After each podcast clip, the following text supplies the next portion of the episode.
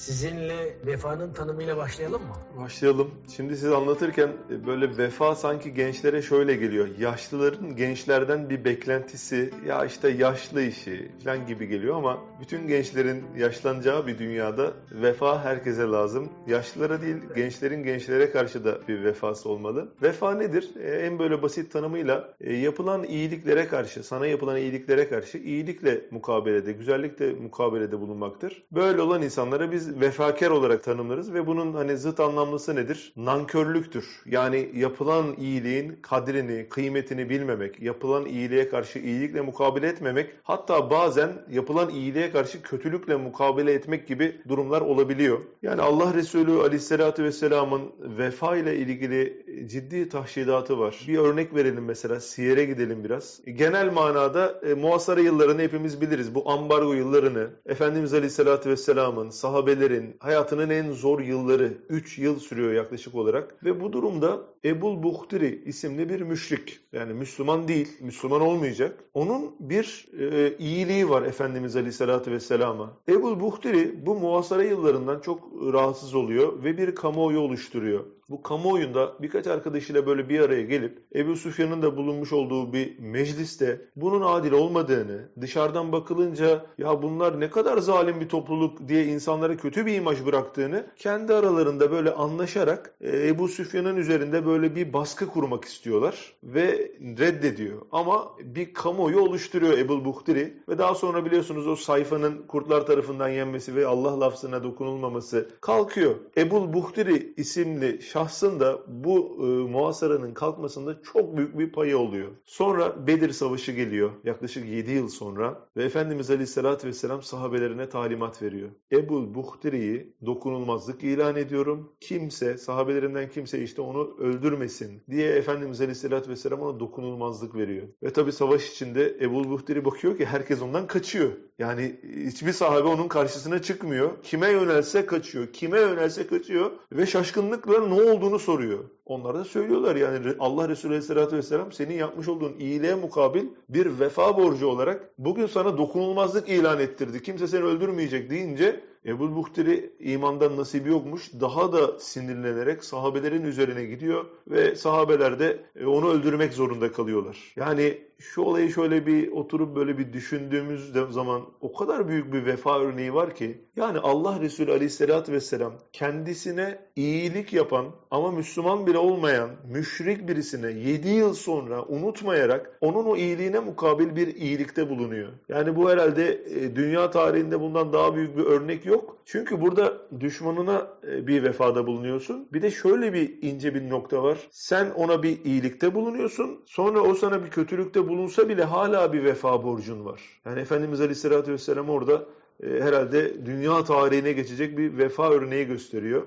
Bu çok böyle dikkatimi çekmişti. Şimdi dinlerken de vefalı olmak lazım. Tamam ben vefalı mıyım? Tabii ki vefalıyım gibi dinliyoruz. Bunu anlamak için şöyle ufak bir test yapabilir kardeşlerimiz. Hayatında sana en çok iyiliği dokunan 5 kişiyi düşün. 5'inin ismini de hafızama yazdıktan sonra diyorum ki ben onların iyiliğine mukabil bir iyilikte bulundum mu? Ben onları arıyor muyum? Ben onları soruyor muyum? Eğer cevabımız hayırsa maalesef şahsım adına ben vefasız olduğumu söylemeliyim. Dinleyenler de evet yani ben vefa örneği gösteremiyorum diye böyle bir nefsimizi almamız lazım. Çünkü hani bazıları diyor ya işte Allah'a şükrediyoruz kardeşim insanlara illa bir şey yapmak zorunda mıyız? Bir hadis-i şerif paylaşayım Tirmizi'den nakil. Diyor ki Allah Resulü Aleyhisselatü Vesselam insanlara teşekkür etmeyen Allah'a da şükretmez diyor.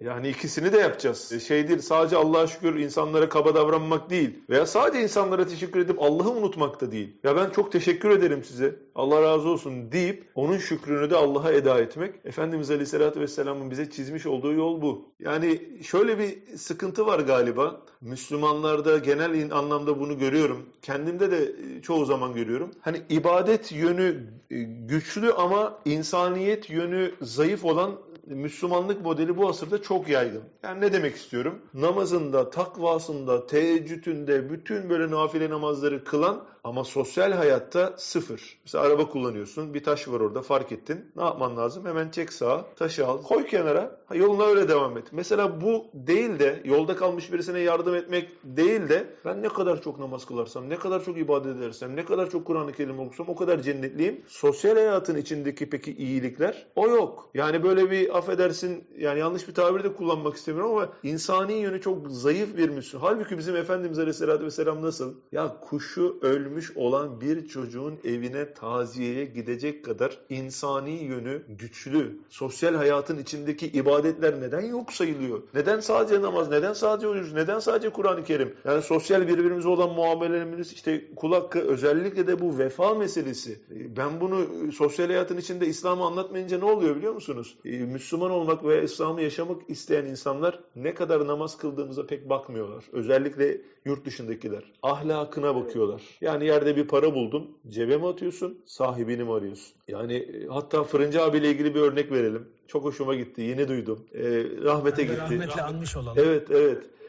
Ee, Kenan abi anlattı. Kenan abi Mercedes fabrikasında çalışıyor. Diyor çıktım diyor Mercedes fabrikasından. Bindim diyor trene bindim diyor. Trende diyor başka bir e, Türk var diyor. Baktım diyor sakat diyor. Yanına yaklaştım. Ne oldu kardeşim? Ya iş kazası oldu diyor. Ben de artık bu haldeyim diyor. Artık yani yürüyemeyecek bir vaziyete gelmiş ve bileğinin kalınlığı şu kadar olmuş. Ayak bileği. Doktorlar diyorlar ki keseceğiz biz bunu. Adam diyor ki hayır ben bileğimi kestirmem. Çok böyle kötü durumda bir adam. Kenan abi gidiyor fırıncı abiye medresede Almanya'da oluyor bu. Anlatıyor. Abi diyor durum böyle böyle diyor. İçim paramparça oldu. Fırıncı abi diyor ki telefonunu aldın mı diyor. Ne abi diyor? Telefonunu aldın mı diyor. Almadım abi diyor. Ah kardeşim diyor. Keşke telefonunu alsaydın diyor. Biz alırdık onu diyor. Atlardık uçağa diyor. Giderdik diyor Isparta'ya, Eğirdir'e. Bizim orada hastanede tanıdığımız arkadaşlarımız, kardeşlerimiz var. Biz onu tedavi ettirir iyi ederdik ya. Niye almadın telefonunu diyor. Kenan abi diyor ki yani insani yönünün ne kadar güçlü olduğuna bakar mısın? Diyor Kenan abi ya bu adam bizim cemaatimizden mi diye sormadı. Bu adam namaz kılıyor mu diye sormadı. Bu adam Müslüman mı diye sormadı.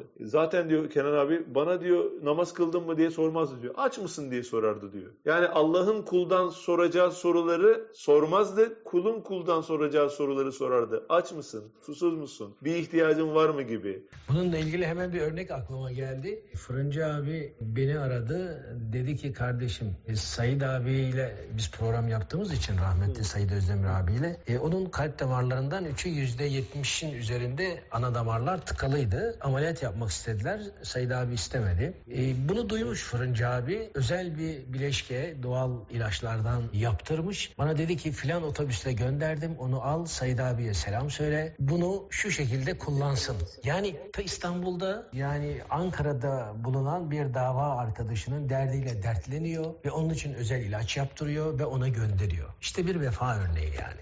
Evet ve böyle dalga dalga geçiyor yani. O yüzden vefanın ka- karşılıklı olduğu bu model bence şu an Müslüman dünyasının en çok ihtiyacı olduğu durum aslında. Yani vefanın bir de Allah'a karşı olan boyutu var. E ben doğduğum günden beri Allah'tan iyilikler görüyorum. Hatta bana iyilik yaptığını söyleyen insanlar da aslında Allah'ın iyiliğini bana ulaştırıyorlar. Çünkü onların kalbine şefkat, merhamet verilmese onlar bana o iyiliği neden yapsınlar ki? Yani kendimi şuna benzetiyorum. Doğduğu günden beri günde 300 tane hediye paketini alan bir insana benzetiyorum. İşte görmek, duymak, bir manzarayı seyretmek, koku almak, telefonda yeni bir uygulamadan çok keyifli bir şekilde araştırma yapmak. Bütün bunlar bir iyilik. E şimdi o zaman sana bir tane kalemin yere düşer gelir adam sana onu verir. Ya bir teşekkür ederim dersin. Peki doğduğumuz günden beri bize iyilikte bulunan Rabbimize karşı vefa borcumuzu düşündüğümüz zaman karşımıza ne çıkıyor? İnanılmaz bir tabiri caizse bir adisyon çıkıyor. Bir karşı ödeme çıkıyor. Yani bu karşı ödeme nedir? Tabii ki şükürdür. Şükrün en büyüğü nedir? Namazdır. Yani eğer e, ben vefalı mıyım değil miyim diye düşünüyorsak ve Rabbimizin emir ve yasaklarına dikkat ettiğimiz bir hayat modelimiz şu anda yoksa yani bir namazımız yoksa, bir ibadetimiz yoksa, haram el dikkat etmiyorsak o zaman biz vefasızın kralıyız. Biz bırak bize bir iyilik yapana e, karşılıkta bulunmaya milyonlarca hediye paketini gönderen, milyonlarca iyilikte bulunan Rabbimize karşı vefasızız. Peki böyle bir insana kim güvenir? Böyle bir insana kim dayanır? İyilik iyilik yaptığında asla sana karşı bir iyilikte bulunmayacak ve seni unutacak birisine. İnsanların da o insanlara karşı bir güveni sarsılıyor. Bakıyorsun memlekete şöyle sokaklara bir çıkıyorsun. Bir bakıyorsun insanların nasıl birbirini dolandırmak için can attığını, nasıl birbirini kazıklamak için mücadele ettiğini görüyorsun. E, Ve bunların bazıları namaz kılıyor. Hani eleştirirler ya ya hem hacı hocasın hem şunu yapıyorsun diye. Evet bir haklılık payı var. Ama adam kafada şöyle şartlıyor galiba. Ben namazımı kılayım, ibadetimi yapayım. Onun dışındaki şeyler çok önemli değil. Ya neden o kadar hadis-i şerif var o zaman? Biz neden biliyoruz Allah Resulü Aleyhisselatü Vesselam'ın kuşu ölen bir çocuğun taziyesine gittiğini, herkes çocuklarını diri diri gömerken Allah Resulü Aleyhisselatü Vesselam'ın evladını omuzuna alıp Mekke'nin sokaklarında dolaştırdığını, biz sosyal hayata ait bu bilgileri nereden biliyoruz? Ebul Buhturiye Efendimiz Aleyhisselatü Vesselam'ın bu vefasını biz nereden biliyoruz? Eğer bunları kullanmayacaksak, sadece ibadetlerle cennete gireceksek, bu hadis-i şeriflerin bize nakledilmesi manasız olmaz mı? diye böyle bir öz eleştiri yani Müslümanlar olarak bir öz eleştiri yapmamız lazım. Bir de şöyle bir kaide var. Eğer biz vefasız olursak büyüklerimize karşı büyüdüğümüzde Allah bizi bu imtihana sokabilir. Hani mendakka dukka diye bir kaide var ya. Yani ben vefasızım, büyüklerimi aramadım. Halbuki 3 dakikamı alacaktı ve o 300 saat sevinecekti. Haftalar boyunca belki mutlu olacaktı. Ha sen bunu yapmadın ya, ufacık bir iyiliği yapmadın ya, vefayı göstermedin ya. Hah bak şimdi sen de yaşlandın. Bak telefonun çalmıyor. Böyle içine kapanmışsın ve düşünüyorsun. Ya niye böyle oldu? Küçük bir hikaye var onu anlatmak isterim. Bir tane baba evlat birlikte evde böyle oturuyorlar. Çocuğun dedesi evin içinde hasta, bakıma muhtaç. Ama baba da artık eşinin e, bu dırdırlarından bıkmış. Israr ediyor. Diyor ki hayır diyor ben senin babana bakmak zorunda değilim. Artık bu babanı istemiyorum burada götür buradan diye bir baskı yapıyor. Adam da iki arada bir derede kalıyor. Yani bir tarafta hanımı tercih yapmak zorunda kalıyor. Evin küçüğü olan çocuk da izliyor durumu. Sonra adam babasını götürüyor artık evden çıkartıyor. Hanımın dırdırına bakmış. Çocuk da geliyor yanında. Gidiyorlar bir dağ evleri varmış. Dağ evlerinin. Adam babasını yerleştiriyor. Çocuğu da bir yandan izliyor. Bakıyor duruma. Yani evin dedesi bakıyor. Artık evden çıkartılmış. Yapayalnız. Böyle bir dağ evinde. Bakıma muhtaç olduğu halde. Adam yüreğinin o yangınına rağmen babasını bırakıyor ve arkasına dönüyor. Çocuğunu alıp uzaklaşmaya başlıyor. Daha sonra yolda giderken tabii çok ciddi böyle içinde kargaşalar yaşıyor. Çocuk bir yandan sorular soruyor. Baba diyor ne oldu diyor. Neden bıraktık dedim orada diyor. "E, ben de diyor sen büyüyünce seni bu dağ evine mi getireceğim baba? Böyle bir şey mi adet var diyor. Tabii beyninden kaynar sular iniyor. Sonra bir U dönüşü yapıyor geriye dönüyor. Giriyor sarılıyor babasına. Babacım diyor geri geldim seni alacağım diyor. Babası diyor ki biliyordum evladım diyor geleceğini diyor. Nereden biliyordun baba diyor. Çünkü ben babama böyle bir şey yapmadım diyor. Yani men dakka dukka. Bunu bir düşünelim. Kardeşlerimiz bunu düşünsün. Alsınlar şöyle telefon rehberini ellerine. Hayatımızda bize iyiliği dokunan 10 kişiyi özel bir kayıt açalım. Yanlarına unutmamam lazım. Vefa yazalım, bir şeyler yazalım. Ve her cuma günü veya bunu çok görüyorsan her bayram, her kandil bir arayıp o iyiliğin karşılığında hem bir aramış olalım hem bir ihtiyaçları var mı diye korkmadan nasılsın diye bir soralım. İyilikte bulunalım. Bunun karşılığında da bize bir vefa dönüşü olacak. Nedir o? Rabbim bize iyilikte bulunacak. Rabbim ahde vefaya çok önem verdiği için inşallah cennetiyle mükafatlandıracak. Mesela şöyle bir tespitim de var. Ee, yani bir insan mesela bir arkadaşım var. Bakıyorsun ki vefasız. Ya sana karşı çok iyi ama mesela annesine, babasına karşı böyle vefasız. Ya bu aslında biraz tehlikeli bir dostluk. Neden? Çünkü onda bu ahlak varsa, iyiliği unutma ahlakı, hatta iyiliğe kötülük ukabilide bulunma ahlakı varsa, e bir gün seninle de işleri kötü olduğunda veya menfaati senden uzaklaştığında sana da vefasızlık yapıp seni de tamamen unutacak demektir. Çünkü onda bu ahlak var. Arkadaşım var, annesine yalan söylüyor, dostuna yalan söylüyor. Sen de gülüyorsun, muhabbet ediyorsun. Hay be nasıl yalan söylüyorsun filan. Ya bir uyansana. Bu adam sıkıştığı zaman tabii ki sana da yalan söyleyecektir. Senin de gıybetini yapacaktır. Dolayısıyla arkadaşlarımızı seçerken de biraz vefalı olanlardan seçersek uzun vadeli bir yatırım olur. Yoksa vefasız olduğunu gördüğün birisi seni de unutacaktır. Anne baba meselesinde özellikle kardeşlerimden yani genç olanlar e, ben de çok yaşlı sayılmam ama 18 yaşında 20 yaşında olanlar özellikle şöyle telefonu elimize aldığımızda